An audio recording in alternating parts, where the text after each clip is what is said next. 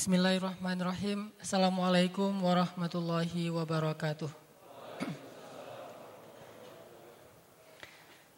Alhamdulillah bersyukur kepada Allah Subhanahu wa taala selalu bisa menjadi lebih semangat ngelihat teman-teman sekalian, anak-anak muda yang insya Allah para idolanya bidadari di surga. Dan yang di belakang para idolanya bidadara yang sekarang ada di masjid. Kalau halal ya, kalau nggak halal mah jangan ngidolain. Alhamdulillah, saya malah sebetulnya yang paling beruntung di sini tuh saya. Karena setiap kali hari Rabu, walaupun sering telat, setiap kali hari Rabu itu saya semangat dari pagi, semangat mikirin materi, dan nggak ketemu juga sampai detik ini. Jadi duluan running posternya daripada materinya. Jadi ini kreatif banget nih tim poster dan kita kasih applause barakallah kepada uh, tim kreatif yang selalu mikirin dalam sepekan tuh tiga kali tayang poster yang macam-macam bentuknya. Saya nggak tahu, jangan-jangan ntar lagi bakalan jadi orang-orang yang botak kali ya, mikirin poster terus ya, luar biasa. Saya aja nggak gitu-gitu amat mikirin materi, tapi selalu telat banget duduk dulu di situ. Alhamdulillah tadi ceramah dulu ada yang ustadz yang ngasih materi sebelumnya saya browsing-browsing dulu. Cuma beda, saya mah browsingnya pakai bahasa Arab. Jadi tenang, nggak akan ketemu kalau dicari di Google. Soalnya carinya pakai bahasa Arab. Teman-teman sekalian, malam ini kita akan belajar jadi Indo Runners. Eh nggak jadi ya. Supaya nggak jadi Indo runners dari kenyataan. Lari dari kenyataan. Sebelum kita belajar tentang masalah lari dari kenyataan, kita buka dulu deh dengan tilawah biar lebih sejuk hati kita. Kita akan tilawah firman Allah di dalam surat Ali Imran. Surat Ali Imran ayat 173. Al-Quran surat Ali Imran ayat 173.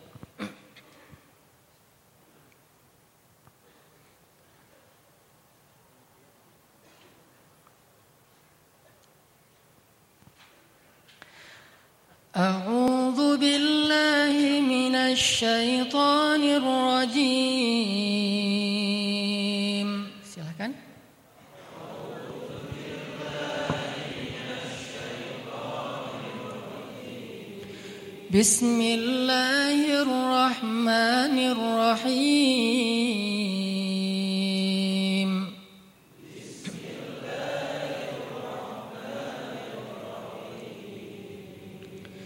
الذين قال لهم الناس إن الناس قد جمعوا لكم فاخشوهم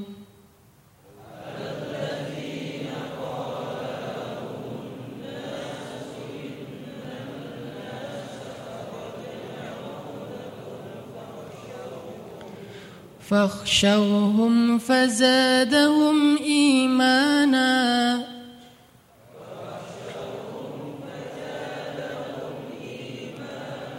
وقالوا حسبنا الله ونعم الوكيل.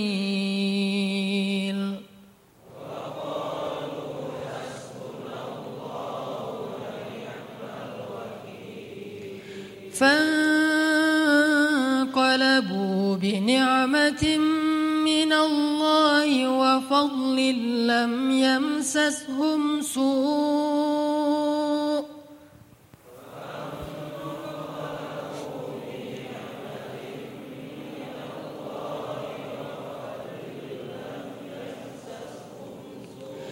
لم يمسسهم سوء واتبعوا رضوان الله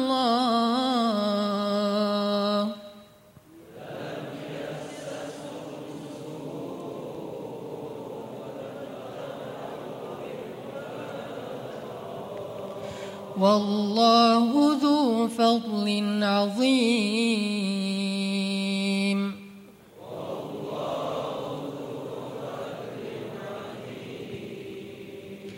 إنما ذلكم الشيطان يخوف أولياءه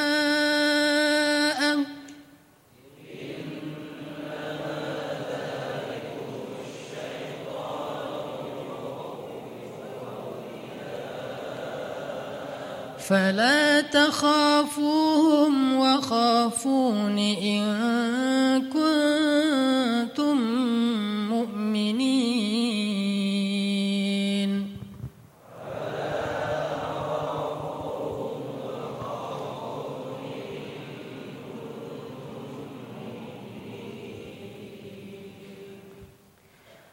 yaitu orang-orang yang mentaati Allah dan Rasul yang kepada mereka orang-orang munafik berkata, sesungguhnya kaum kafir itu telah mengumpulkan pasukan yang sangat banyak untuk menyerang kalian, maka takutlah kepada mereka.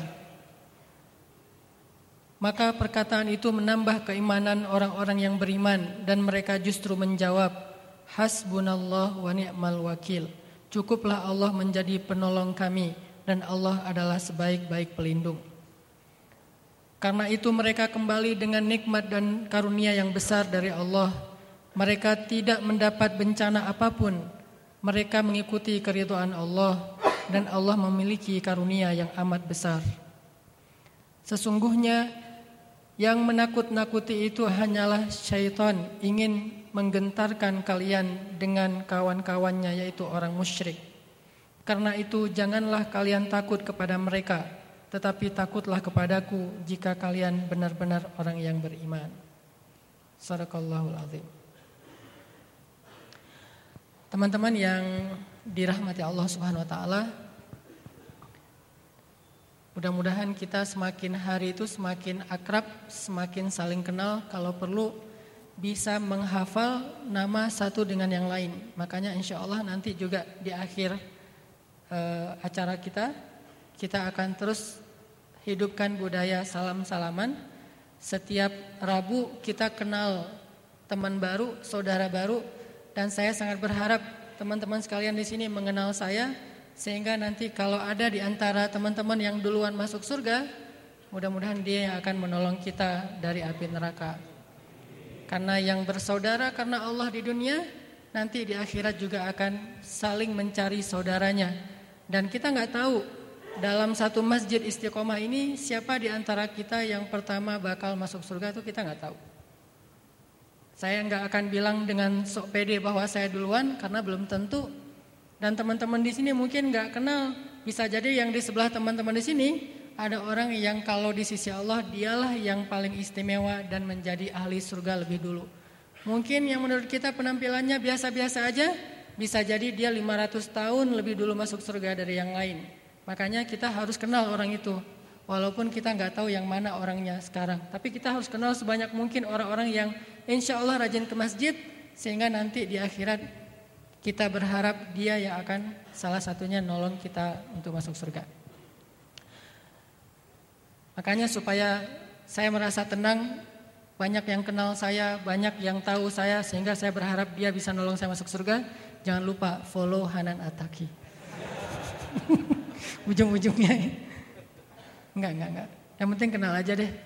Kalau follow lebih bagus sih. Oke, kita masuk kepada materi ya. Materi kita surat Ali Imran ayat 173. Ayat ini mengisahkan tentang satu peristiwa setelah perang Uhud. Jadi kita tahu bahwa perang Uhud itu kaum muslimin menang apa kalah? Hah? Menang cuma agak kebobolan ya. Kalau perang Badar itu menangnya telak, nggak kebobolan sama sekali. Kalau perang Uhud itu kebobolan dulu. Pertama menang, udah gitu kalah, udah gitu menang. Artinya dua satu Menang karena tidak ada satupun perang yang dilalui yang dilakukan oleh Rasulullah yang kalah itu nggak ada. Yang ada dua kali kebobolan, perang Uhud sama perang Hunain. Yang lain mah menang telak. Nah, adegan perang Uhud yang kita tahu bahwa kaum muslimin dipukul mundur oleh orang-orang kafir Quraisy, bahkan beberapa orang sahabat itu sampai meninggal dunia syahid dalam perang Uhud. Salah satu yang paling terkenal siapa? Hamzah sama Mus'ab bin Umair. Nah, ini catat ya. Hamzah sama um, uh, Mus'ab. Hamzah ini kesayangan Rasulullah SAW. Mus'ab ini kesayangan banyak para sahabat. Hamzah ini adalah seorang petarung, seorang sniper, seorang uh, hunter, dia seorang pemanah ulung, dia seorang pemburu. Sedangkan Mus'ab seorang apa? Yang sangat lembut akhlaknya, yang semua orang sayang sama dia. Sehingga ketika kehilangan dua orang ini kehilangan yang besar bagi kaum muslimin. Dan bukan hanya yang mereka aja yang syahid, tetapi banyak lagi di antara sahabat ada yang luka parah, ada yang matanya buta sebelah, ada yang bahkan Nabi juga ikut terluka banyak banget luka Nabi di tubuhnya termasuk salah satunya di wajah beliau. Artinya habis adegan perang Uhud, kaum muslimin mundur. Mundur ke sebuah daerah namanya Hamraul Asad. Sebuah daerah namanya Hamraul Asad. Hamra itu artinya red, merah. Asad itu artinya singa. Jadi Hamraul Asad sebuah daerah yang dikenal dengan bahasa singa yang berdarah-darah. Sehingga dinamakan dengan nama Hamraul Asad, daerah singa berdarah, singa yang terluka. Ke sanalah mereka akhirnya mundur dan pas banget Allah mentakdirkan kayak gitu, mundurnya ke sebuah tempat yang keren gitu. Tempat ketika singa itu terlu, terluka, Hamraul Asad. Semuanya pada mundur, di Hamraul Asad mereka kemudian membuat camp lagi. Ada yang dirawat, ada yang sakarat, ada yang wah pokoknya seluruh sahabat itu terluka-luka. Bahkan ada seorang perempuan di antara sahabiat yang di tubuhnya itu ada sekitar 30 luka bacokan. Bayangin.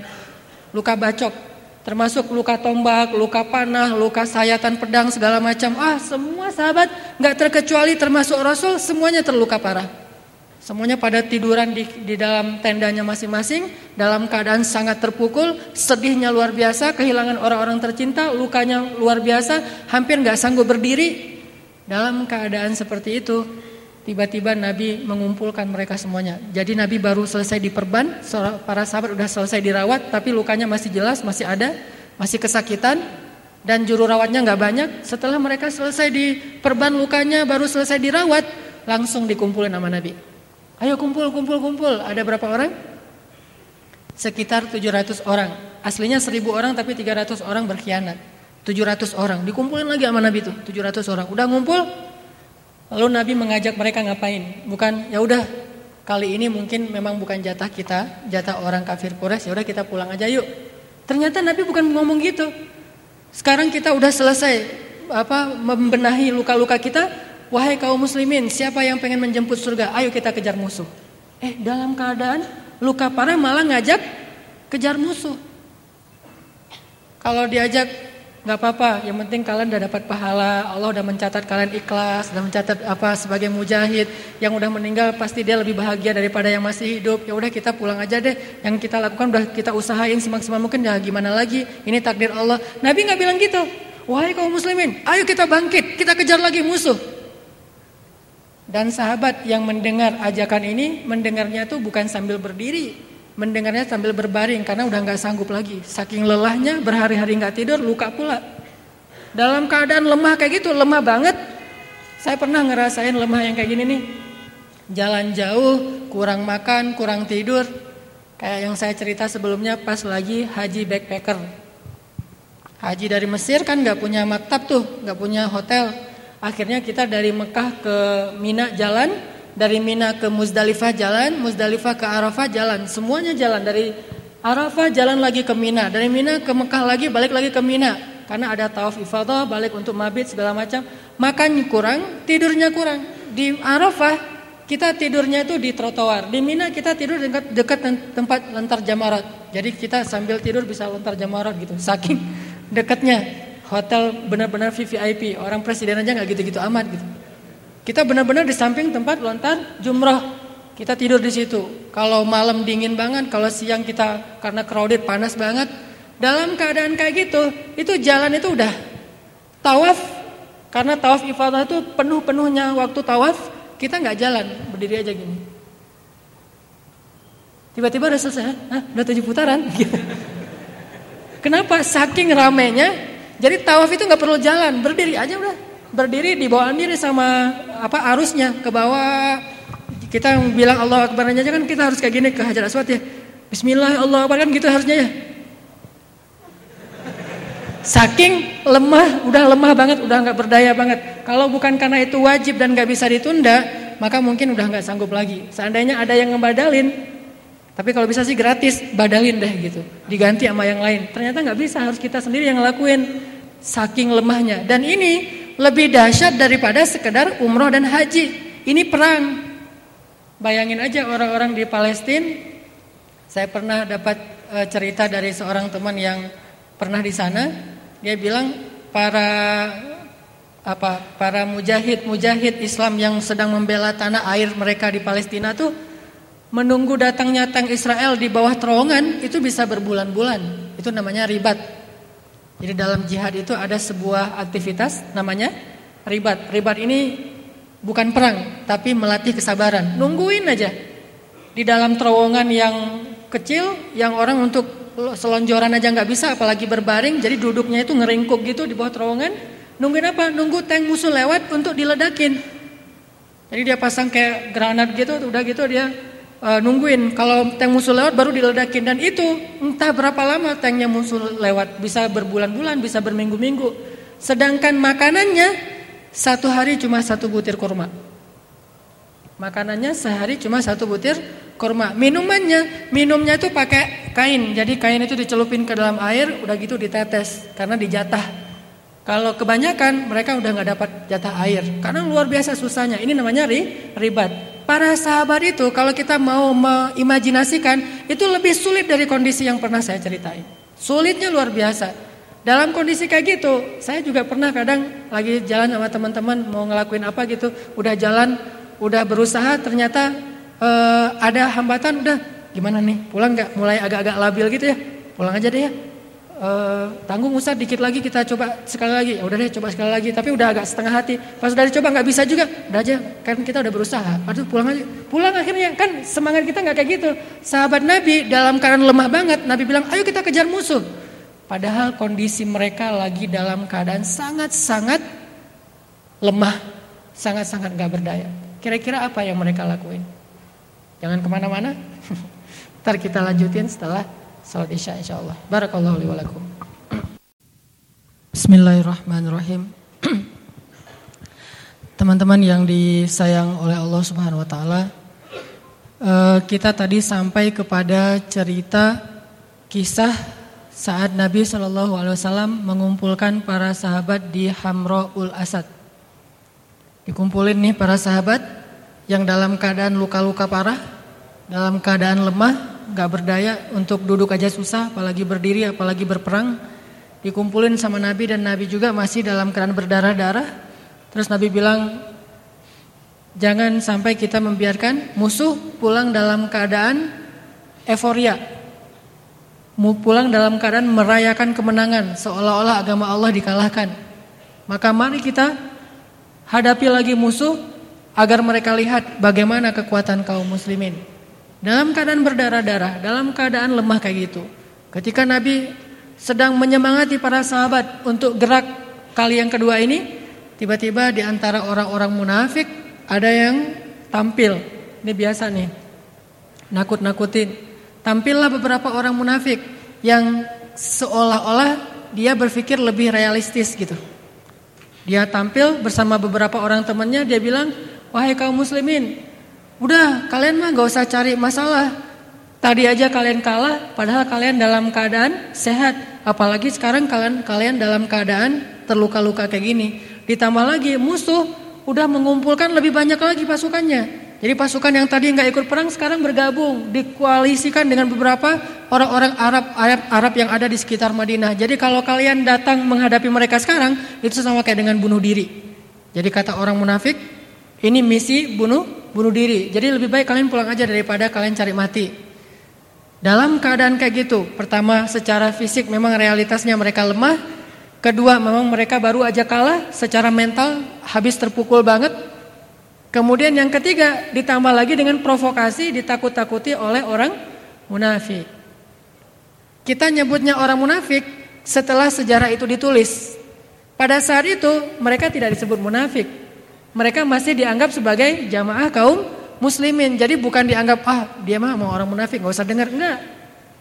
Baru disebut munafik setelah sejarah ini di, ditulis baru kita bilang oh itu munafik sehingga kita ngebayanginnya orang luar orang yang udah jelas-jelas disebut munafik ngomporin kaum muslimin atau memprovokasi kaum muslimin untuk e, berkhianat untuk tidak mentaati Rasulullah SAW. Kalau itu nyatanya mungkin para sahabat akan mudah menolak. Tapi masalahnya mereka belum dikenal sebagai orang munafik, belakangan baru disebut sebagai munafikun. Sahabat masih menganggap mereka keluarga kita, teman kita, seperjuangan sama kita, bagian dari jamaah kita, prajurit kita juga, bahkan beberapa tokoh-tokoh kita juga. Malah menggembosi semangat para sahabat dengan mengatakan, Innan nasa qad jama'u. Sesungguhnya orang-orang kafir itu udah berkumpul sekarang. Pasukannya lebih besar dari yang sebelumnya dan mereka sedang mempersiapkan melawan kalian. Mereka akan mengalahkan kalian dua kali. Lebih baik kalian takut dan pulang aja. Fakhshawhum. Tadi tiga nih kondisinya. Sakit fisiknya, lagi terpukul mentalnya, ditambah lagi digembosi oleh orang-orang munafik yang tidak jujur imannya. Dalam keadaan kayak gitu, lemah banget. Dan Nabi menyuruh mereka untuk maju. Mereka ternyata Allah ilhamkan untuk mengucapkan satu kalimat. Sebenarnya yang mengatakan kalimat ini Rasulullah, kemudian diikuti oleh para sahabat. Apa kalimatnya? Waqalu, mereka bilang, mereka ini dipimpin oleh Rasul, baru mereka nurutin. Kata mereka apa? Hasbunallah,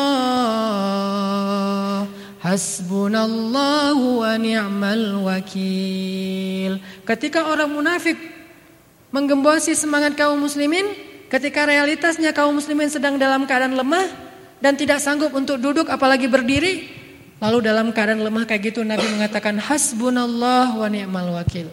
Cukup bagi kita Allah. Kalau mereka punya banyak pasukan, kita punya Allah. Kalau mereka kuat, Allah yang menguatkan kita. Kalau mereka tadi bisa memukul mundur kita, maka Allah yang akan memukul mundur mereka. Hasbunallah wa ni'mal wakil. Kalimat inilah yang memotivasi para sahabat untuk bangkit. Nabi tadi ngajak segala macam, belum penuh semangat sahabat, belum utuh, belum apa istilahnya, belum total gitu ya. Tapi pas Nabi bilang hasbunallah wa ni'mal wakil, semua sahabat serentak berdiri hasbunallah wa ni'mal wakil. Kalimat hasbunallah wa ni'mal wakil inilah kemudian meneguhkan hati mereka. Jadi bisa dibilang solusi kalau kita ngadapin suatu masalah, suatu kenyataan yang menurut kita berat banget, yang nggak mungkin kita bisa menghadapi kenyataan itu. Kayak para sahabat nggak mungkin bisa menghadapi musuh yang baru saja ngalahin mereka. Ditambah lagi sekarang mereka sakit. Ditambah lagi dengan fitnah orang-orang munafik. Kalau kita dalam keadaan persis seperti itu dalam hidup kita, maka nggak usah maju dulu, nggak usah bangkit dulu, nggak usah mikir solusi dulu. Ucapin aja dulu hasbunallah wa ni'mal wakil. Ntar Allah yang akan menguatkan kita. Kalau saya bilang dalam keadaan terpuruk bangkit, itu mungkin agak-agak berat tuh. Saya juga nggak selalu kayak gitu sih.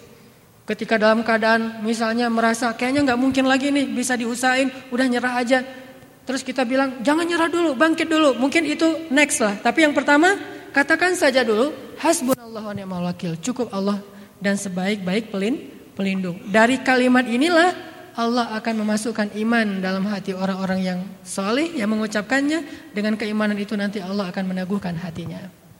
Hasbunallah wa ni'mal wakil. Walaupun kita mengucapkannya dengan gemetar, walaupun kita mengucapkan kalimat hasbunallah itu dengan sedikit rasa agak khawatir, benar nggak ya, bisa nggak ya, bisa nggak ya, tapi katakan saja dengan mantap lisan kita walaupun belum mantap hati kita katakan saja dengan lisan kita hasbunallah wa ni'mal wakil. Walaupun hatinya beneran Enggak juga sih, enggak apa-apa. Pokoknya ucapin aja dulu. Hasbunallah wa ni'mal wakil. Setelah itu nanti Allah yang akan memperbaiki urusan hati kita.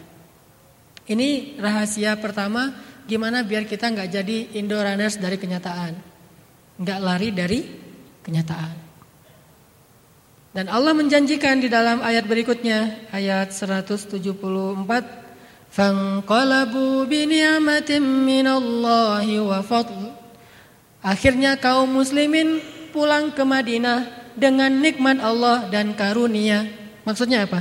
Setelah mereka ngucapin hasbunallah wa ni'mal wakil, akhirnya Allah masukkan rasa semangat yang luar biasa dalam diri kaum muslimin sehingga mereka serentak maju dari tujuh ratusan orang yang tadi ikut berjihad Yang kemudian kembali ke Hamraul Asad cuma satu yang nggak ikut untuk sesi kedua, untuk episode kedua, untuk ronde kedua. Dan yang satu itu benar-benar udah sakarat.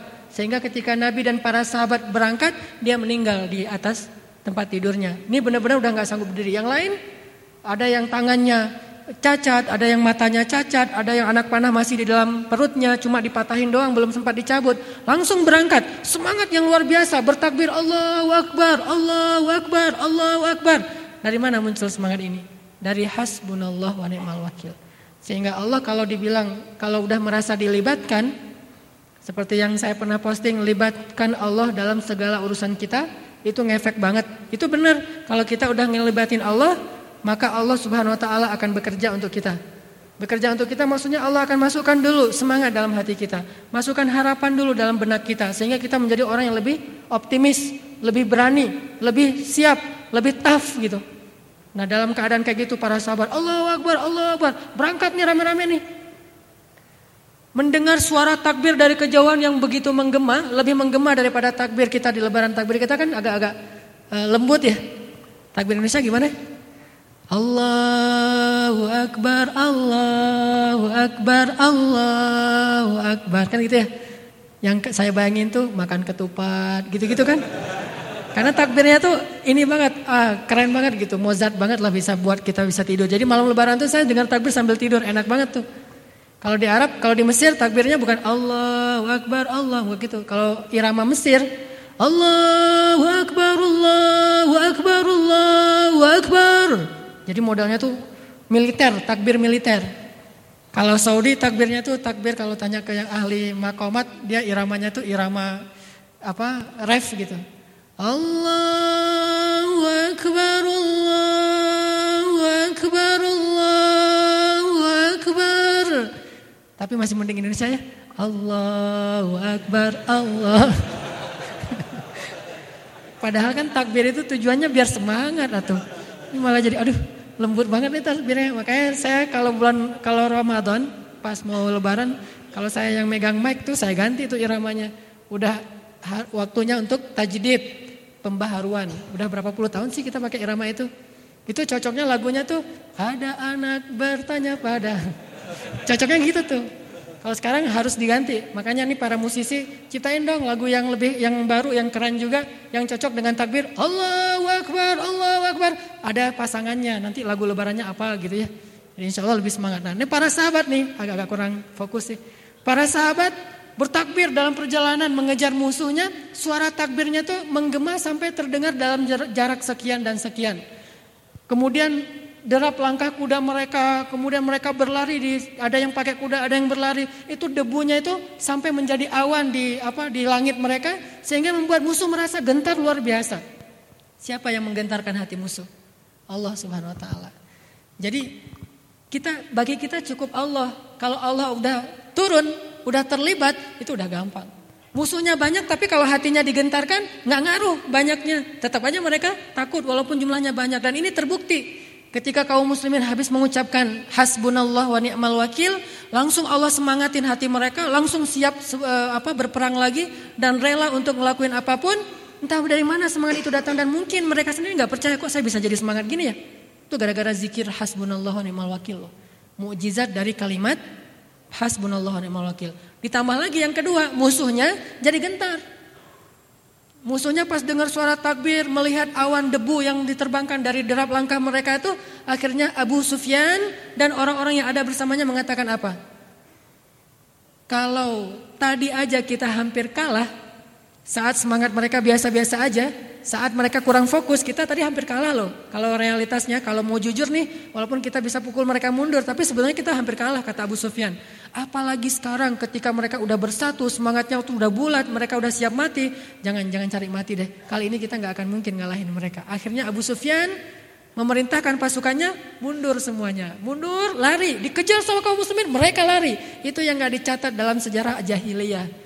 Pulang ke Mekah seolah-olah mereka bersorak gembira kami menang kami menang padahal nyatanya mereka saling melirik ke sesama mereka kita mah nggak menang sebetulnya tadi dikejar lari yang ngejar orang cacat yang ngejar orangnya buta sebelah, yang ngejar orangnya masih ada anak panah, tapi kita lari, benar-benar lari loh.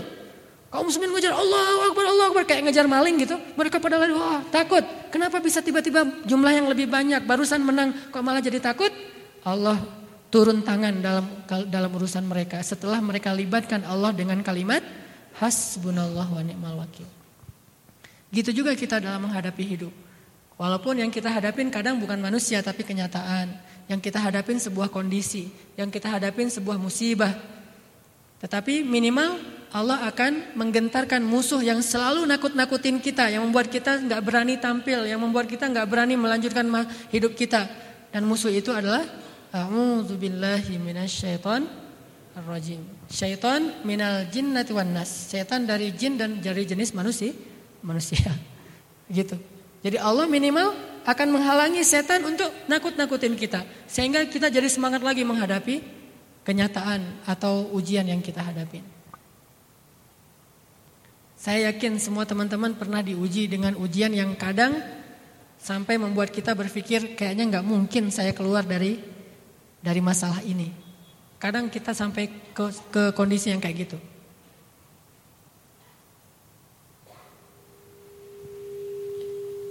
Benar? Pernah ngalamin kayak gitu? Ngerasa, aduh, nggak mungkin nih saya kayaknya bisa dapat jalan keluar nih udah terlalu berat nih, ini di luar kemampuan saya nih dan segala macam.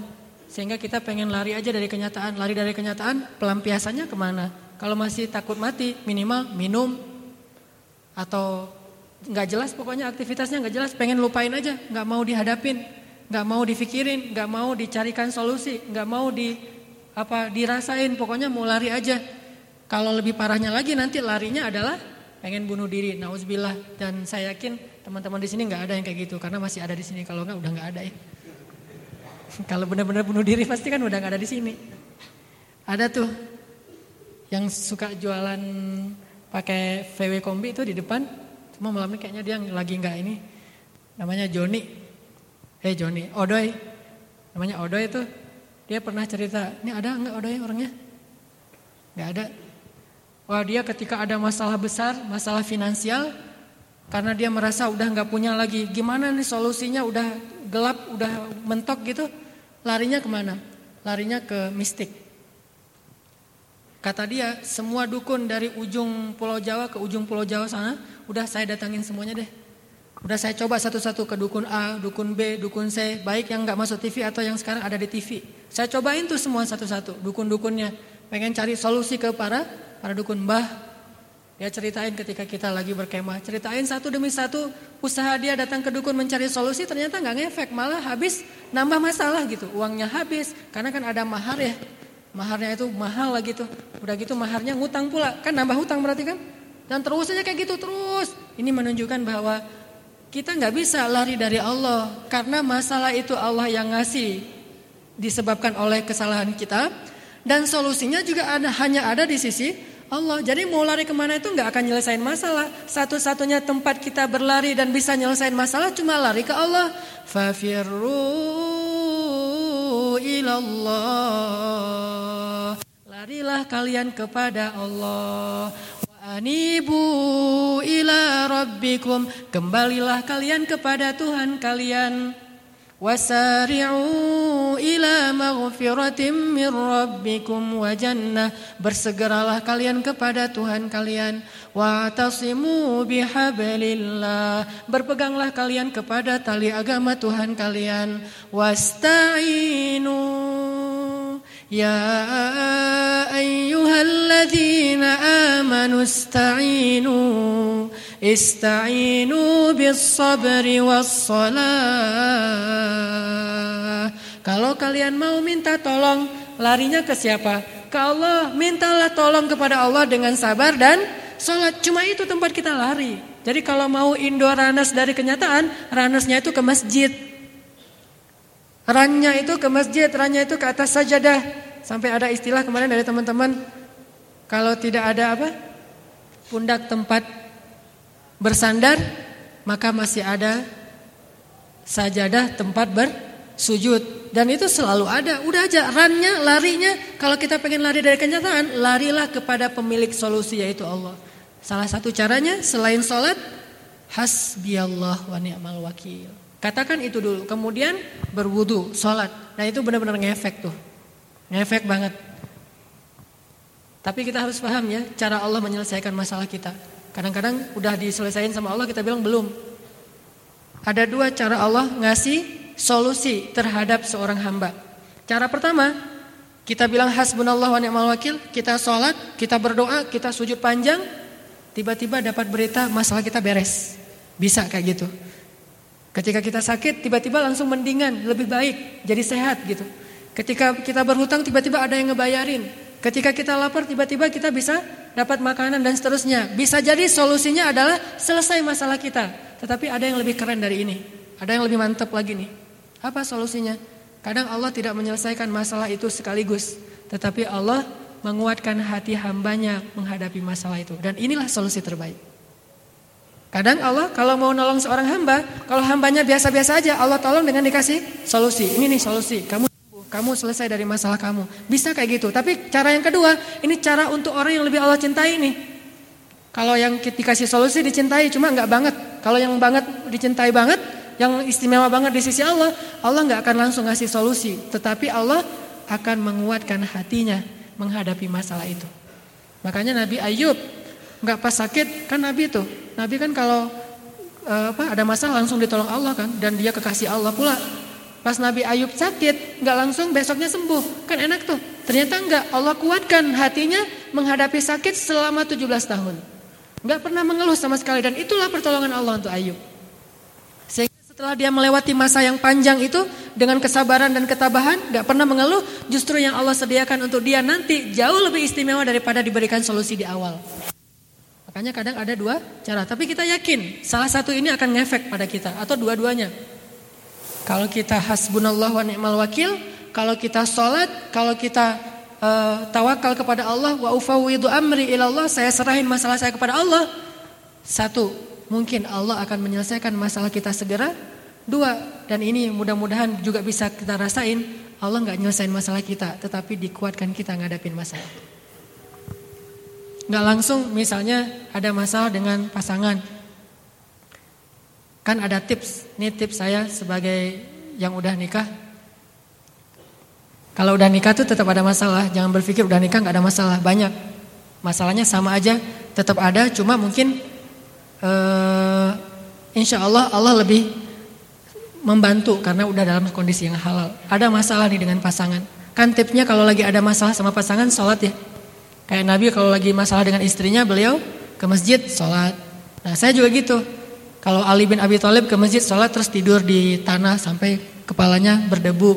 Cuma saya nggak tidur di tanah, ke masjid aja gitu, tidur di lantai yang kayu kayak gini. Udah ke masjid sholat, pulang-pulang berharap, ah mudah-mudahan nih saya kan udah sholat, saya kan udah berdoa, saya kan udah uh, hasbunallah wa ni'mal wakil. Insya Allah pasti nih istri saya di rumah udah kayaknya udah tenang. Pasti istri saya di rumah nih kayaknya udah apa? Udah senyum-senyum lagi nih. Pasti dia kangen nih sama saya nih, GR gitu ya. Datang nih pulang ke rumah. Pulang ke rumah dengan PD-nya udah sholat segala macam. Pas datang ngetok-ngetok pintu. Ternyata pintu nggak dikunci. Pas kita buka ternyata isi rumah udah kosong. Dia udah pulang kampung gitu. Berarti lebih parah lagi kan? Kalau tadi masih mending serumah cuma beda kamar. Kalau sekarang dia diam-diam udah pulang kampung aja udah dikemasin semua barang-barang udah pergi. Hah? Saya ditinggalin teganya, teganya, teganya kan gitu. Nah artinya ini mungkin jadi tambah masalah. Kok saya udah sholat tapi masalah saya nambah? Kayak tadi misalnya ada masalah dengan e, bisnis ternyata habis sholat nambah lagi masalah yang lain, nambah lagi masalah yang lain, nggak berhenti berhenti. Mungkin di pekerjaan kita udah bermasalah pulang ke rumah karena istri kita tahu bahwa kita punya masalah bisnis, akhirnya dia juga ngomel-ngomel, dia ngeluh misalnya, nambah lagi terus anak-anak kita juga sakit, nambah terus. Mungkin masalah kita nggak langsung selesai. Tapi ada cara lain Allah menolong kita, ditolong hati kita, dikuatkan hati kita. Pas kita lihat kenyataan kayak gitu, kita jadi makin ngulangin la haula wala quwata illa billah, makin dekat sama Allah, makin mudah menangis ketika sholat, makin bisa bangun malam, makin kan itu pertolongan dari Allah. Kalau Allah nggak nolong kayak gitu, mungkin kita selamanya nggak pernah bangun malam, selamanya nggak pernah sholat ke masjid, selamanya nggak pernah bisa lebih hijrah, lebih baik, lebih soleh, lebih taat. Justru karena Allah pengen kita taat terus, Allah nggak mau menghilangkan masalah kita dibiarin aja dulu masalahnya, tapi yang ditolong hatinya. Itu berarti Allah lebih sayang kepada kita. Jadi jangan suuzon dulu sama Allah. Berarti Allah lebih sayang sama kita. Nah akhirnya para sahabat Nabi setelah musuhnya dikejar dan lari kocar kacir gitu maka fangkolabu di ayat 104, 174 eh, mereka kembali. Para sahabat kata Nabi ya udah kalau gitu kita kembali. Nah ini kalau mereka kembali kali ini Allah ridho. Kembali dalam keadaan gagah bukan pengecut bukan lari tetapi kembali karena pasukan musuh udah kocar kacir fangkolabu bini'matim minallahi wa fadlin mereka kembali ke kota Madinah dengan nikmat dari Allah dan karunia. Apa nikmatnya? Nikmatnya adalah mereka mendapatkan kemenangan. Karunianya apa? Karunianya banyak. Di antara karunia yang mereka dapatkan ternyata yang tadi mereka cari di padang Uhud yang membuat mereka kalah itu ghanimah sekarang dapat. Jadi musuh pas tahu kaum muslimin menyerang dan mereka lari, mereka meninggalkan banyak onta, domba, harta mereka di belakang sehingga dikumpulkan oleh kaum muslimin. Jadi tetap dapat harta ghanimah, menang intinya, nggak kalah sebetulnya. Fanqalabu bi ni'matin minallahi wa fadlin lam yamsashum su. Mereka sama sekali tidak mendapatkan masalah.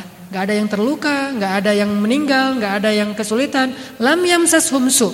Jadi kalau kita udah bilang hasbunallah wa ni'mal wakil, Allah berjanji lam yamsashum su. Nggak mungkin kita ditimpa dengan kemalangan setelahnya. Jadi kalimat hasbunallah itu kalimat menolak bala, mantra untuk menghindari kemala, kemalangan. Lam yamsashum su, enggak akan menimpa kemalangan. Wattaba'u ridwanallah. Mereka mengikuti karunia Allah, ridho Allah dan Allah menyertai mereka. Wallahu dzu fadlin azim. Ini janji Allah kepada orang yang mengucapkan kalimat hasbunallah wa ni'mal wakil, lari dari kenyataan menuju kepada pemilik kenyataan yaitu Allah SWT. Ini kisah Uhud. Terus ada lagi dalam adegan yang lain, siapa yang pernah mengucapkan kalimat ini selain Rasul dan para sahabat? Kalau kata para ulama, kalimat hasbunallah wa ni'mal wakil itu adalah zikirnya para nabi.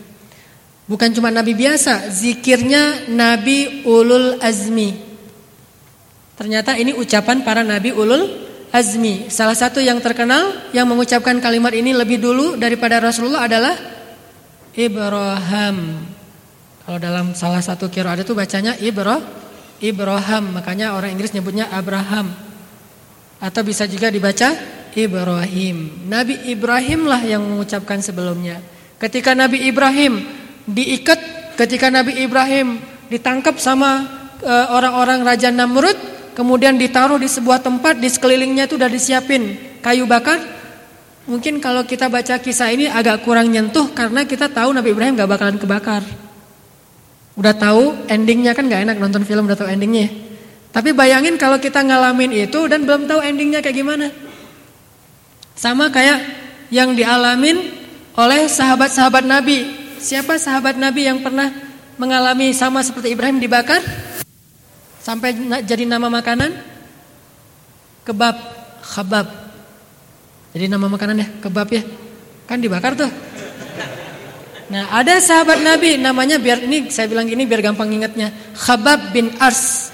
Khabab bin Ars ini sahabat Nabi yang sangat-sangat penyabar sama dengan Bilal, cuma nggak terkenal Bilal dan dia itu lebih pintar dari Bilal. Dia hafiz Al-Quran. Dia penghafal Al-Quran, periwayat Al-Quran. Lebih banyak ilmunya daripada Bi, Bilal. Cuma Bilal karena muazin, karena dia perform terus, mungkin dia lebih terkenal secara selebritinya lebih nyelep gitu. Tapi kalau Khabab bin As ini sebetulnya soleh banget. Dia dibakar hidup-hidup loh. Sampai kayu bakar dan api itu padam dengan lendir dan e, cairan yang keluar dari kulitnya Khabab. Kan kalau dibakar itu kan keluar cairan tuh, kayak lemak-lemak itu. Sampai padam apinya dan kayu bakarnya gara-gara lemak-lemak yang keluar dari kulitnya khabab. Dibakar hidup-hidup. Tapi nggak dibiarkan sampai mati. Kalau udah mau mati di, dikeluarin dulu. Udah agak-agak dingin dipanasin lagi. Terus aja gitu kayak orang mau ada yang beli dipanasin, ntar dimatiin dulu, panasin. Kayak gitu. Khabab bin Ars dalam keadaan dibakar kayak gitu hidup-hidup. Nabi datang kepada Khabab dan mengatakan, "Ya Khabab, ucapkanlah apa yang diucapkan kakek kita Ibrahim. Mudah-mudahan Allah akan menjadikan api itu uh, apa uh, bardan sejuk seperti yang pernah Allah lakukan kepada Ibrahim. Akhirnya dalam keadaan dibakar khababnya, khabab mengatakan hasbi Allah, hasbi Allah wa ni'mal wakil, hasbi Allah wa ni'mal wakil sambil menjerit, sambil mengatakan hasbi Allah wa ni'mal wakil. Apakah apinya menjadi sejuk? Tidak. Kan saya bilang tadi di awal, bisa jadi Allah nggak akan mensejukkan apinya, tetapi Allah akan mensejukkan hatinya. Sehingga walaupun dibakar, yang tadinya dia teriak-teriak setelah dia bilang hasbi Allah wa ni'mal wakil, dia tidak lagi teriak. Ketika dibakar dia diam aja sambil berzikir hasbi Allah, hasbi Allah, hasbi Allah. Dikuatkan hatinya oleh Allah dan setiap kesulitan yang dia alamin Allah ilhamkan di dalam benaknya hafalan Al-Qur'an, hafalan Al-Qur'an, hafalan Al-Qur'an. Sehingga setelah selesai dibakar lama dia tuh dibebaskan juga sama dibeli terus dibebasin dia menjadi seorang hafiz Al-Qur'an. Itu pertolongan Allah untuk khabab. Enggak selalu sama. Jadi jangan bilang kalau kita misalnya ada masalah dikit atau uh, apa deketin api, wah hasbi Allah wa ni'mal wakil. Ah, masih panas, eh ulangi lagi deh. Hasbi Allah wa ni'mal wakil. Eh, masih panas. Ah, bohong mau Ustaz Hanan. Enggak, kita akan dikuatkan hatinya. Jadi tetap panas cuma hasbi Allah wa ni'mal wakil gitu. akan dikuatin hatinya biar nggak ngantuk. Intinya kalau kita ngadapin masalah nggak selalu sama kasusnya. Kadang-kadang seperti Ibrahim, benar-benar apinya didinginkan. Kadang-kadang seperti Khabab yang sama-sama ngucapin hasbi Allah, tetapi apinya nggak didinginkan oleh Allah, tetapi hatinya yang didinginkan. Sehingga dia tahan, dia bisa sabar sampai akhir dari masa uh, apa takzib, masa uh, penyiksaan itu. Sehingga akhirnya dia memperoleh kemenangan dengan dibebaskan. Ini pertolongan Allah nih. Ibrahim dimasukkan ke dalam api, disiapkan apa kayu bakar, di, dinyalakan api. Bayangin kalau kita ada di saat itu, pasti kita nggak akan tega ngelihat seorang laki-laki yang dibakar hidup, hidup seperti yang dibuat sama ISIS misalnya di Irak dan di Suriah, gimana mereka membakar hidup orang, membakar hidup-hidup orang yang dianggap mereka orang yang kafir misalnya kan mereka gampang mengkafirkan orang ya. Ada orang Indonesia datang ke sana misalnya, orang Italia, Afrika, Eropa datang ke Irak pengen berjihad, pengen membantu kaum muslimin. Satu-satunya yang dia kenal kelompok jihad cuma ISIS. Apalagi udah ngediriin negara Islam. Datang pas sampai di sana ngeliat kok ini banyak penyimpangan, aneh, nggak kayak gini yang saya pahami dari Islam. Pengen keluar, pengen lari. Pas lari, pengen kembali ke negaranya, ketangkap, itu udah nggak ada ampun. Pengkhianat bagi mereka disiksa kemudian dibakar hidup-hidup di tempat umum supaya yang lain merasa takut dan menjadi pelajaran. Dan ini banyak terjadi. Bayangin kalau dalam kondisi kayak gitu tuh. Dalam kondisi yang benar-benar sangat-sangat udah kalau saya nggak bisa ngebayangin pernah lihat orang dihukum mati nggak? Di Jeddah itu ada satu masjid namanya tuh Masjid Kisos. Masjid Kisos tuh masjid yang kalau di hari Jumat tertentu ada uh, apa? Bukan acara sih. Apa ada kegiatan kisos gitu. ada event gitu ya eventnya adalah kisos. Biasanya orang setelah disidang segala macam udah diponis, ternyata dia ter, apa, terbukti bersalah membunuh, maka hukumannya dibunuh karena itu hukum Islam. Nah, ada satu masjid namanya Masjid Kisos, cuma di situ ada kisosnya di Jeddah. Kalau kita datang ke masjid itu hari Jumat, habis sholat Jumat jangan pulang dulu. Selesai sholat Jumat, zikir-zikir dulu segala macam, ntar ada pengumuman. Hari ini akan ada adegan kisos. Bagi kaum muslimin yang mau menyaksikan silakan di depan masjid. Itu luar biasa. Keluar dari masjid semuanya ngerumun. TKI TKI Indonesia tuh banyak tuh yang cerita ke saya teman-teman Indonesia yang di sana tuh karena saking banyak yang ngeliat nggak nggak kelihatan di belakang akhirnya dia naik ke atas pohon lihatnya dari atas pohon gitu orangnya kan dibawa keluar dari ambulan ambulan udah siap terus ada kayak ember gitu dia di dijongkokin gitu di, disuruh berlutut kepalanya menghadap ke arah ember Gojo udah siap dengan pedangnya terus Ditanya sekali lagi, apakah keluarga korban memaafkan orang ini? Kalau dimaafkan, nggak jadi dikisos, bayar denda. Kalau nggak dimaafkan, akan dikisos. Tanya sekali lagi sebelum kan udah ngeliat kayak ini, kadang-kadang keluarga korban jadi nggak tega ya.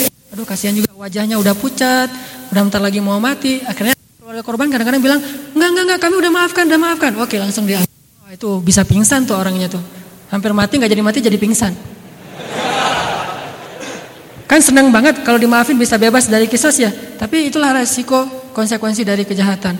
Kalau keluarganya tetap nggak rela, akhirnya sek sekali langsung kepalanya jatuh ke dalam ember, badannya terbaring, kemudian langsung dibalut, langsung dibawa masuk ke ambulan. Pernah ada adegan lagi di sep gitu, kepalanya jatuh ke ember, yang di atas pohon juga jatuh, saking nggak kuat. Pernah ada adegan kayak gitu. Ngeliat, ah, gitu. Dia yang jatuh, akhirnya yang bawa ke rumah sakit dua, korbannya sama. Bayangin dalam kondisi kayak gitu. Ini saya buat ilustrasi ya, biar kita punya imajinasi. Dalam kondisi kayak gitu, Nabi Ibrahim mau dihukum mati, mau dihukum matinya kalau kisah masih mending. Kalau kita lihat kayaknya enak gitu, sek udah selesai kan. Tapi kalau dibakar bayangin gimana tuh. Dalam kondisi kayak gitu, itu api nyata-nyatanya sedang dinyalain dan beliau hanya manusia biasa yang bahkan kena api itu pasti terbakar. Tiba-tiba datang malaikat Jibril. Malaikat yang datang bukan orang biasa, malaikat yang bisa nolong dengan seizin Allah. Bilang kepada Ibrahim, "Ya Ibrahim, Alakah hajah? Apakah kamu punya sesuatu yang kamu minta ke saya? Perlu saya tolong wahai Ibrahim? Kata Ibrahim, amma ilaika fala. Kepada kamu? Enggak. Mau saya tolong ya Ibrahim? Mau saya selamatkan dari sini ya Ibrahim? Kata Ibrahim, kepada kamu ya Jibril? Enggak. Tapi kepada Allah, ya hasbi Allah wa ni'mal wakil. Siapa yang bisa ngatain kalimat ini dalam situasi kayak gitu? Kalau cuma baca sejarah sih gampang, tapi ngerasain banget kayaknya agak-agak susah nih. Begitulah iman As-Siddiq Ibrahim alaihissalam. Nabi yang digelari dengan julukan As-Siddiq yang sangat kuat imannya. Kepada Jibril, Jibril itu kan bukan musuh, bukan orang jahat. Jibril itu malaikat paling keren, paling soleh yang membawa wahyu. Pasti dia diutus oleh Allah untuk nolong Ibrahim. Jadi udah nggak ada alasan untuk nolak sebetulnya. Kalau dia terima, ya ya boleh Jibril, tolong bukain dong gitu.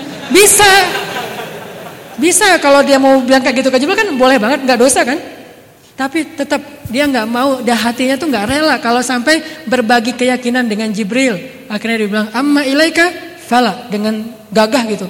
Bukan bilang amma ilaika fala. Ya udah Jibril, udah entar entar dulu ah basa-basi gitu aja. Enggak. Ini mantap dalam hatinya bukan basa-basi doang. Pas Jibril udah gitu balik lagi ke langit dan Nabi Ibrahim nggak menyesali kata-katanya. Aduh, Jibril nggak ngerti, eh orang lagi kayak gini masih nanya. Enggak. Udah Jibril pergi-pergi aja, nggak balik lagi. Nabi Ibrahim nggak merasa terpengaruh oleh datangnya Jibril, perginya Jibril karena dia yakinnya bukan kepada Jibril, tetapi kepada Rabbu Jibril, pemilik Jibril. Hasbiyallah wa ni'mal wakil. Sekuat inilah kalimat itu di hati Ibrahim sehingga bisa membuat api dengan seizin Allah menjadi sejuk. Jadi sekuat apa kalimat itu di hati kita, maka sebesar itu juga efeknya kepada masalah kita. Mungkin kita, saya juga merasa, bukan kita, saya aja lah, kita.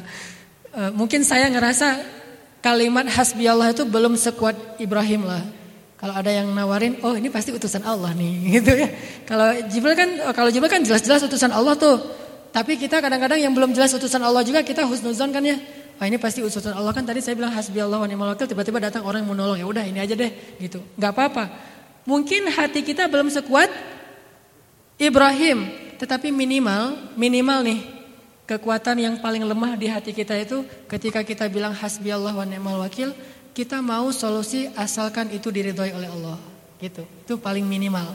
Kalau sampai kita mengambil segala solusi terserah diridhoi enggak apa enggak diridhoi, Berarti kita sebetulnya nggak hasbi Allah wa ni'mal wakil, itu mah cuma basa-basi. Standar minimal yang ukuran kita, ukuran orang awam, ketika kita bilang hasbi Allah wa ni'mal wakil, hasbi Allah wa ni'mal wakil. Lalu ada yang nawarin, ini nih ada solusi ini dengan cara yang menurut kita syubhat atau haram. Ah enggak deh, hasbi Allah wa ni'mal wakil. Itu standar iman kita.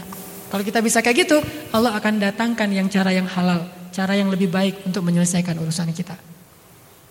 Jadi Kualitas apa, sekuat apa kata-kata hasbi Allah hati kita, sebesar itu juga efeknya dalam masalah kita. Siapa lagi yang pernah ngucapin kalimat ini? Walaupun dengan kalimat yang sedikit berbeda teksnya, tetapi intinya sama, hanya cukup Allah saja. Aisyah radhiyallahu anha. Ketika Aisyah difitnah selingkuh dengan seorang sahabat yang ganteng, yang soleh, namanya siapa? Sofwan bin Mu'attal. Udah ada yang tahu cerita ini? Yang udah pernah dengar cerita ini coba angkat tangan, punten. Yang udah pernah dengar cerita fitnah terhadap Aisyah? Oh berarti banyak yang belum ya. Saya ceritain lagi.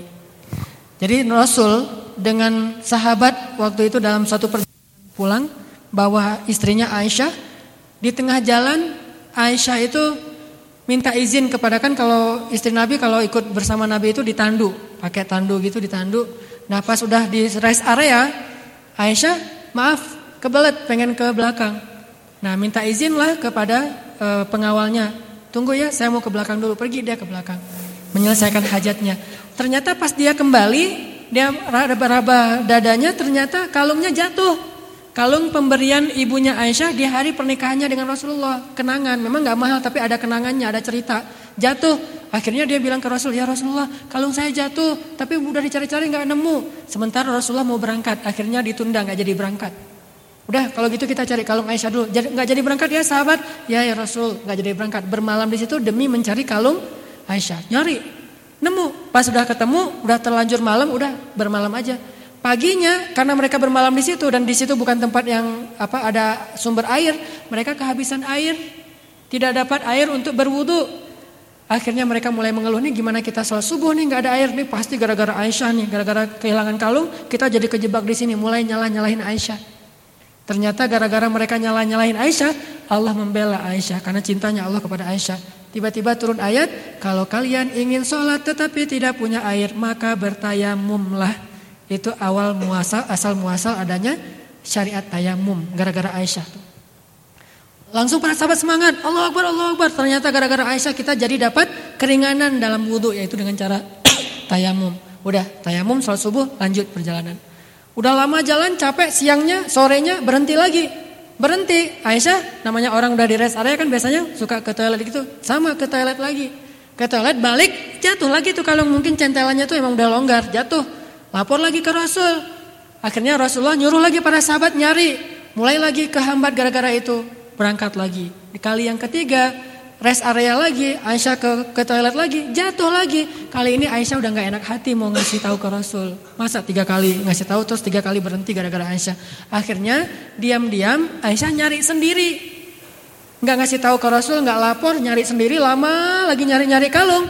Rasul nganggap Aisyah nggak ada masalah, akhirnya berangkatlah kafilah dagang eh, kafilah uh, jihadnya dan Aisyah tertinggal. Pengawalnya nggak tahu? Soalnya Aisyah itu orangnya langsing, kurus, keren. Ini ini hadis lainnya, pelajaran lainnya tuh cewek yang mau ngikut berarti harus jaga badan. Aisyah itu kurus, keren, energik. Dari mana saya tahu Aisyah energik? Dia lomba lari sama Rasul, Rasul kalah. Berarti kan energik. Dulu mungkin lomba lari, kalau sekarang mungkin main skate atau sepedaan. Gitu-gitu. Jadi energi gitu orangnya badannya pas, nggak terlalu gemuk, nggak terlalu kurus juga, pas banget. Nah Aisyah itu kurus, saking kurusnya eh, para pengawal yang mengangkat tandu itu nggak bisa ngebedain ada orang di dalam tandu apa nggak ada sama aja lebih berat tandunya daripada orangnya. Jadi pas ngangkat tandu nggak nggak mikir kalau Aisyah nggak ada karena sama aja beratnya aja. Ternyata Aisyah ketinggalan. Pas Aisyah balik ke tempat tandunya nggak ada orang sama sekali, akhirnya Aisyah baru sadar bahwa dia tertinggal rombongan. Duduklah dia di samping sebuah batu, duduk nungguin. Pasti Rasul kalau nanti ngeh pasti akan balik menjemput dia. Nah Rasul setiap perjalanan pasti mengutus seorang sahabat jadi juru nyisir gitu. Yang menyisir di belakang, takut ada barang ketinggalan orang yang tersesat. Namanya Sofwan, cowok ganteng di antara sahabat Nabi. Masih jomblo juga Sofwan ini. Nah dia di belakang Pas dia nyisir dapat ke area itu ngelihat perempuan lagi duduk di sebelah batu. Oh, ini mungkin jam apa rombongan Rasul ketinggalan. Dideketin, pas dideketin ternyata Aisyah.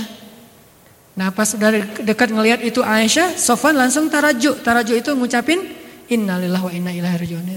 Salah ya? Lihat cewek cantik, innalillahi wa inna ilaihi rajiun. Ini teladannya ya. Jadi kalau ngelihat cewek cantik, innalillahi wa inna ilaihi rajiun. Ada yang like kita gitu. Pas kita lihat yang like siapa? Oh, cewek nih di PP-nya tuh bagus. Jadi kepo ngelihat ah ini.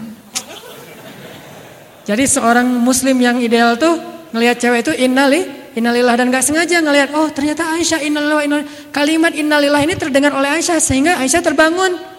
Langsung Aisyah uh, menutup uh, apa uh, wajahnya. Kemudian Sofwan mengambil onta dan menaruh di sebelah Aisyah, didudukin ontanya nggak ngomong apa-apa dan Aisyah tahu itu kode bahwa Aisyah disuruh naik ke atas onta. Naiklah Aisyah ke atas onta. Apaan? Lebih dekat. Sini aja ngomong. Apaan? Oh, mic ganti.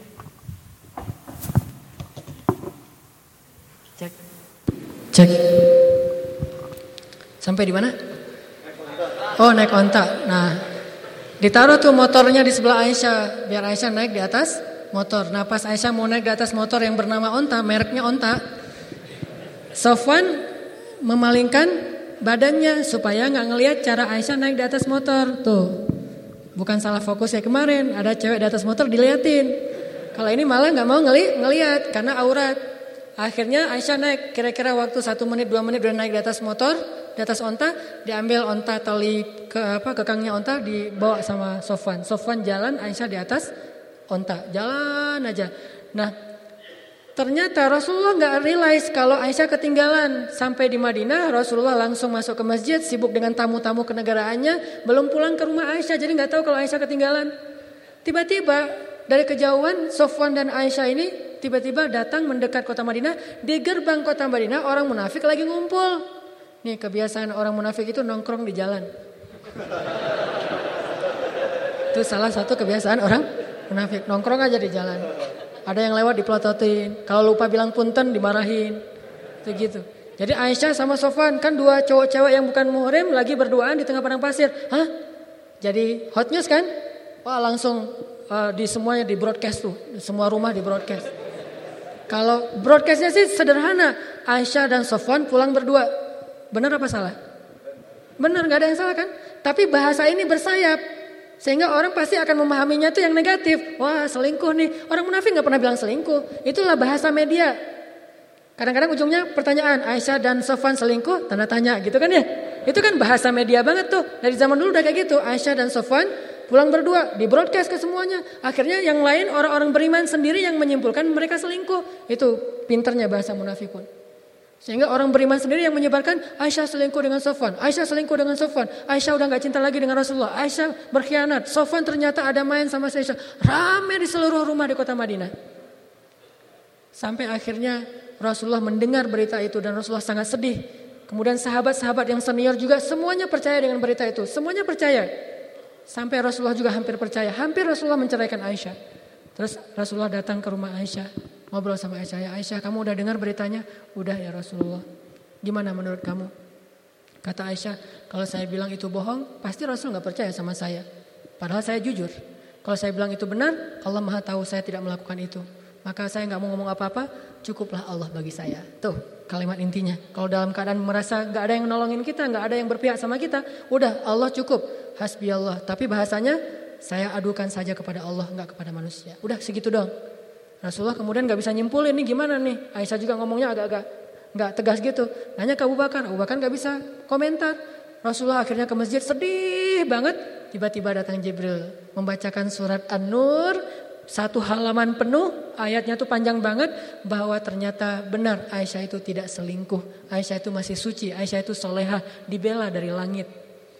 Nabi mendengar ayat ini dibacakan oleh Jibril langsung bahagia lari ke rumah Aisyah yaitu rumah Abu Bakar lari ke rumah Abu Bakar ngetok-ngetok pintu rumah dan Rasulullah memeluk Abu Bakar mengatakan ya Abu Bakar ya Abu Bakar bahagia bahagia bahagia. Ada apa ya Rasulullah?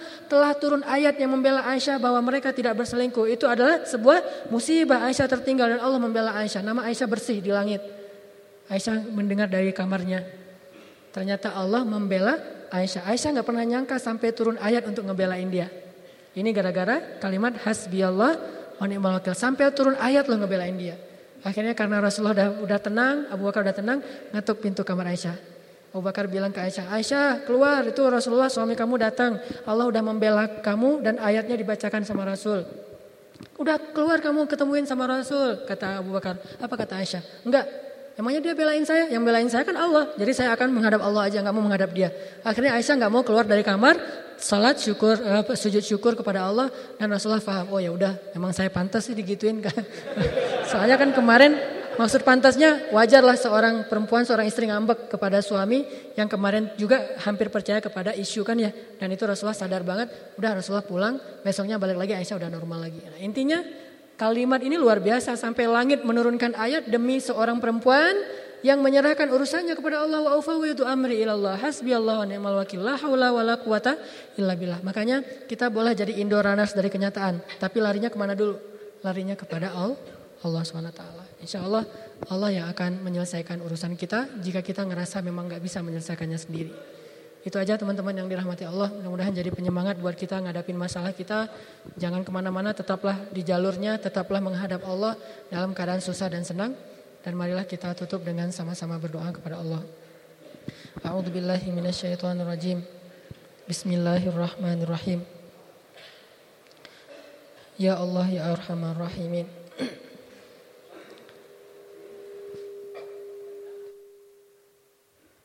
Wahai Tuhan yang menciptakan alam semesta, yang telah menjadikan bumi terhampar dengan keindahannya dan telah menjadikan langit tinggi dengan kemegahannya.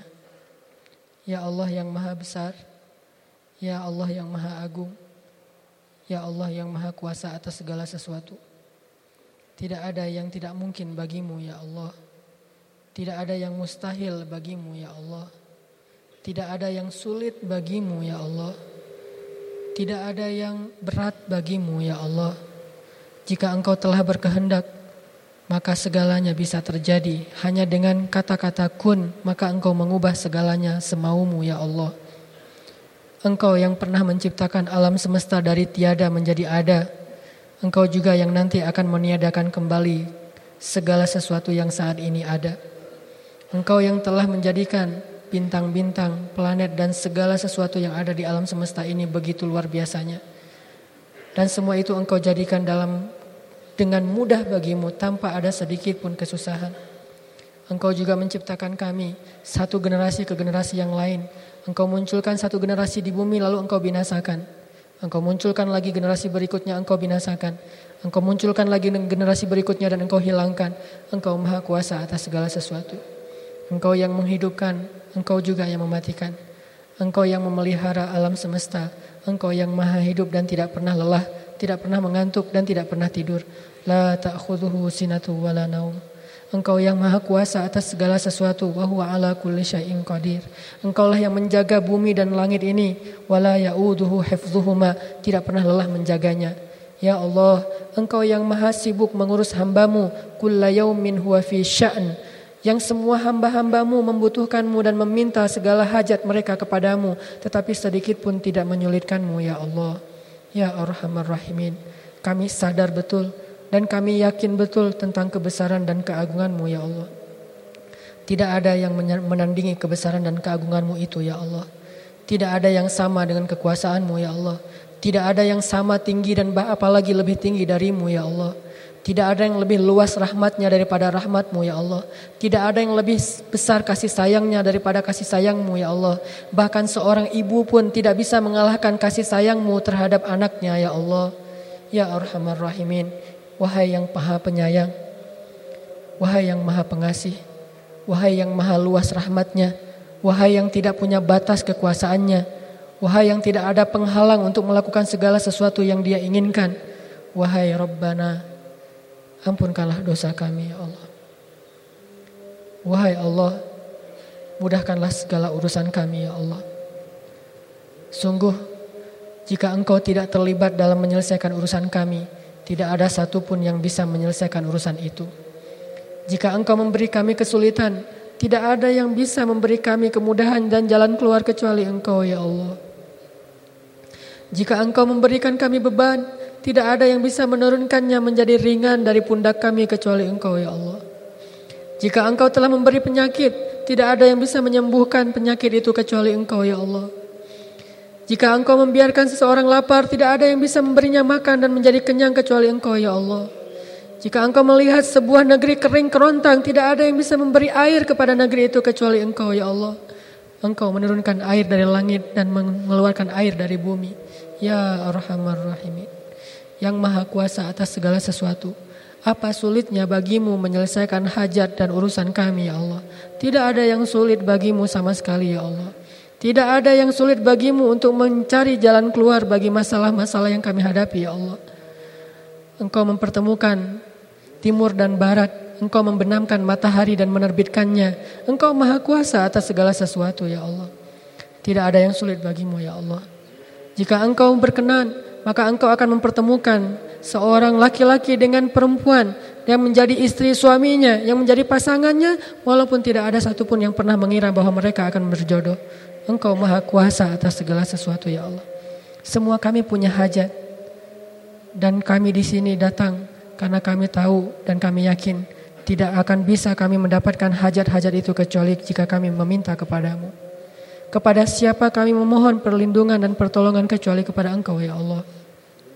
Kepada siapa kami kembali kecuali hanya kepadamu ya Allah. Pintu rahmat siapa yang bisa kami ketuk berkali-kali dan tidak akan marah kecuali pintu rahmatmu. Yang makin sering kami mengetuknya makin engkau sayang kepada kami ya Allah. Jika kami mengetuk pintu rumah-rumah makhlukmu, makin sering kami mengetuknya, makin mereka merasa ingin menjauh dari kami. Makin mereka merasa terganggu. Tapi pintu rahmatmu, semakin kami mengetuknya, semakin engkau sayang kepada kami ya Allah. Maka kami akan terus mengetuk, mengetuk pintu rahmatmu ya Allah mengetuk pintu rahmatmu dengan solat, dengan hasbunallah wa ni'mal wakil, dengan la haula wa la quwata illa billah, dengan wa ufawwidu amri ilallah, dengan doa dan munajat kepadamu ya Allah. Bukakanlah pintumu ya Allah. Bukalah pintu rahmatmu kepada kami ya Allah. Berikan jalan keluar dari kesulitan kami ya Allah. Berikan kemudahan dari kepayahan kami ya Allah. Berikan kelapangan dari kesempitan kami ya Allah. Berikan ya Allah kebaikan-kebaikan dari segala keburukan yang kami alami ya Allah. Ya Arhamar Rahimin. Jika kami mengandalkan amal soleh kami, sungguh untuk membayar nikmatmu juga tidak cukup ya Allah. Dan jika kami masih membawa dosa-dosa kami, pasti itu akan menjauhkan kami dari rahmatmu ya Allah. Maka yang bisa kami lakukan hanyalah beristighfar, memohon ampun atas dosa-dosa yang pernah kami lakukan dan setelahnya kami memohon rahmat dan kasihan darimu ya Allah meskipun kami merasa tidak pantas untuk meminta banyak darimu karena sedikitnya amal-amal kami tetapi kami juga sadar bahwa tidak ada tempat lain bagi kami untuk meminta selain engkau ya Allah kami memohon please ya Allah kami sangat memohon kepadamu ya Allah kami sangat memohon kepadamu berikanlah jalan keluar dari setiap masalah kami ya Allah Berikanlah jalan keluar dari masalah keluarga kami ya Allah. Berikanlah jalan keluar dari masalah pekerjaan kami ya Allah. Berikanlah jalan keluar dari masalah pribadi kami ya Allah. Berikanlah jalan keluar dari masalah pendidikan kami ya Allah. Berikanlah jalan keluar dari masalah jodoh kami ya Allah. Berikanlah jalan keluar ya Allah. Pertemukanlah kami dengan kekasih kami di dunia dan di akhirat ya Allah. Jika kami ingin bertemu dengan pasangan kami, itu karena kami ingin belajar taat kepadamu bersama-sama ya Allah. Kami ingin merasakan sholat tahajud bersama. Kami ingin merasakan saling menasehati dalam kebaikan. Kami ingin berpegangan tangan, bergandengan tangan menuju ridhamu ya Allah. Kami ingin kembali kepadamu sambil membawa orang yang engkau ridhoi. Dan kami ingin masuk surga bersamamu berpasang-pasangan ya Allah. Ya Arhamar Rahimin. Pertemukanlah kami dengan jodoh kami ya Allah. Bukakanlah jalan untuk kami untuk bertemu dengan pangeran kami, dengan imam kami, dengan pemimpin di dalam rumah tangga kami, ya Allah. Dan bukakanlah jalan untuk kami bertemu dengan orang yang akan menasihati kami, ya Allah. Orang yang akan menafkahi kami, ya Allah. Orang yang akan mengimami sholat kami, ya Allah. Ya Allah, pertemukanlah kami dengan seorang perempuan yang akan mengajarkan kepada kami kasih sayang dan kelembutan Perempuan yang bisa mengganti ibu kami dalam kasih sayangnya kepada kami ya Allah. Ya Arhamar Rahim. Semua kami punya hajat dan kesulitan. Tolonglah kami ya Allah. Kasihanilah kami ya Allah. Ibalah kepada kami ya Allah. Hambamu yang lemah dan tidak berdaya ini ya Allah. Rabbana atina min ladunka rahmah وهيئ لنا من أمرنا رشدا واجعل لنا من كل ضيق مخرجا ومن كل هم فرجا ومن كل عسر يسرا ربنا آتنا في الدنيا حسنة وفي الآخرة حسنة وقنا عذاب النار. تقبل يا كريم تقبل يا رحيم تقبل يا ودود. تقبل يا أرحم الراحمين. أجب دعاءنا يا الله. أجب دعاءنا يا رحمن. أجب دعاءنا يا رحيم. أجب دعاءنا يا مجيب السائلين. Terimalah doa kami ya Allah. Mudah-mudahan doa kita pada malam ini akan menyelesaikan hajat-hajat kita. Barakallahu li walakum. Wassalamualaikum warahmatullahi wabarakatuh.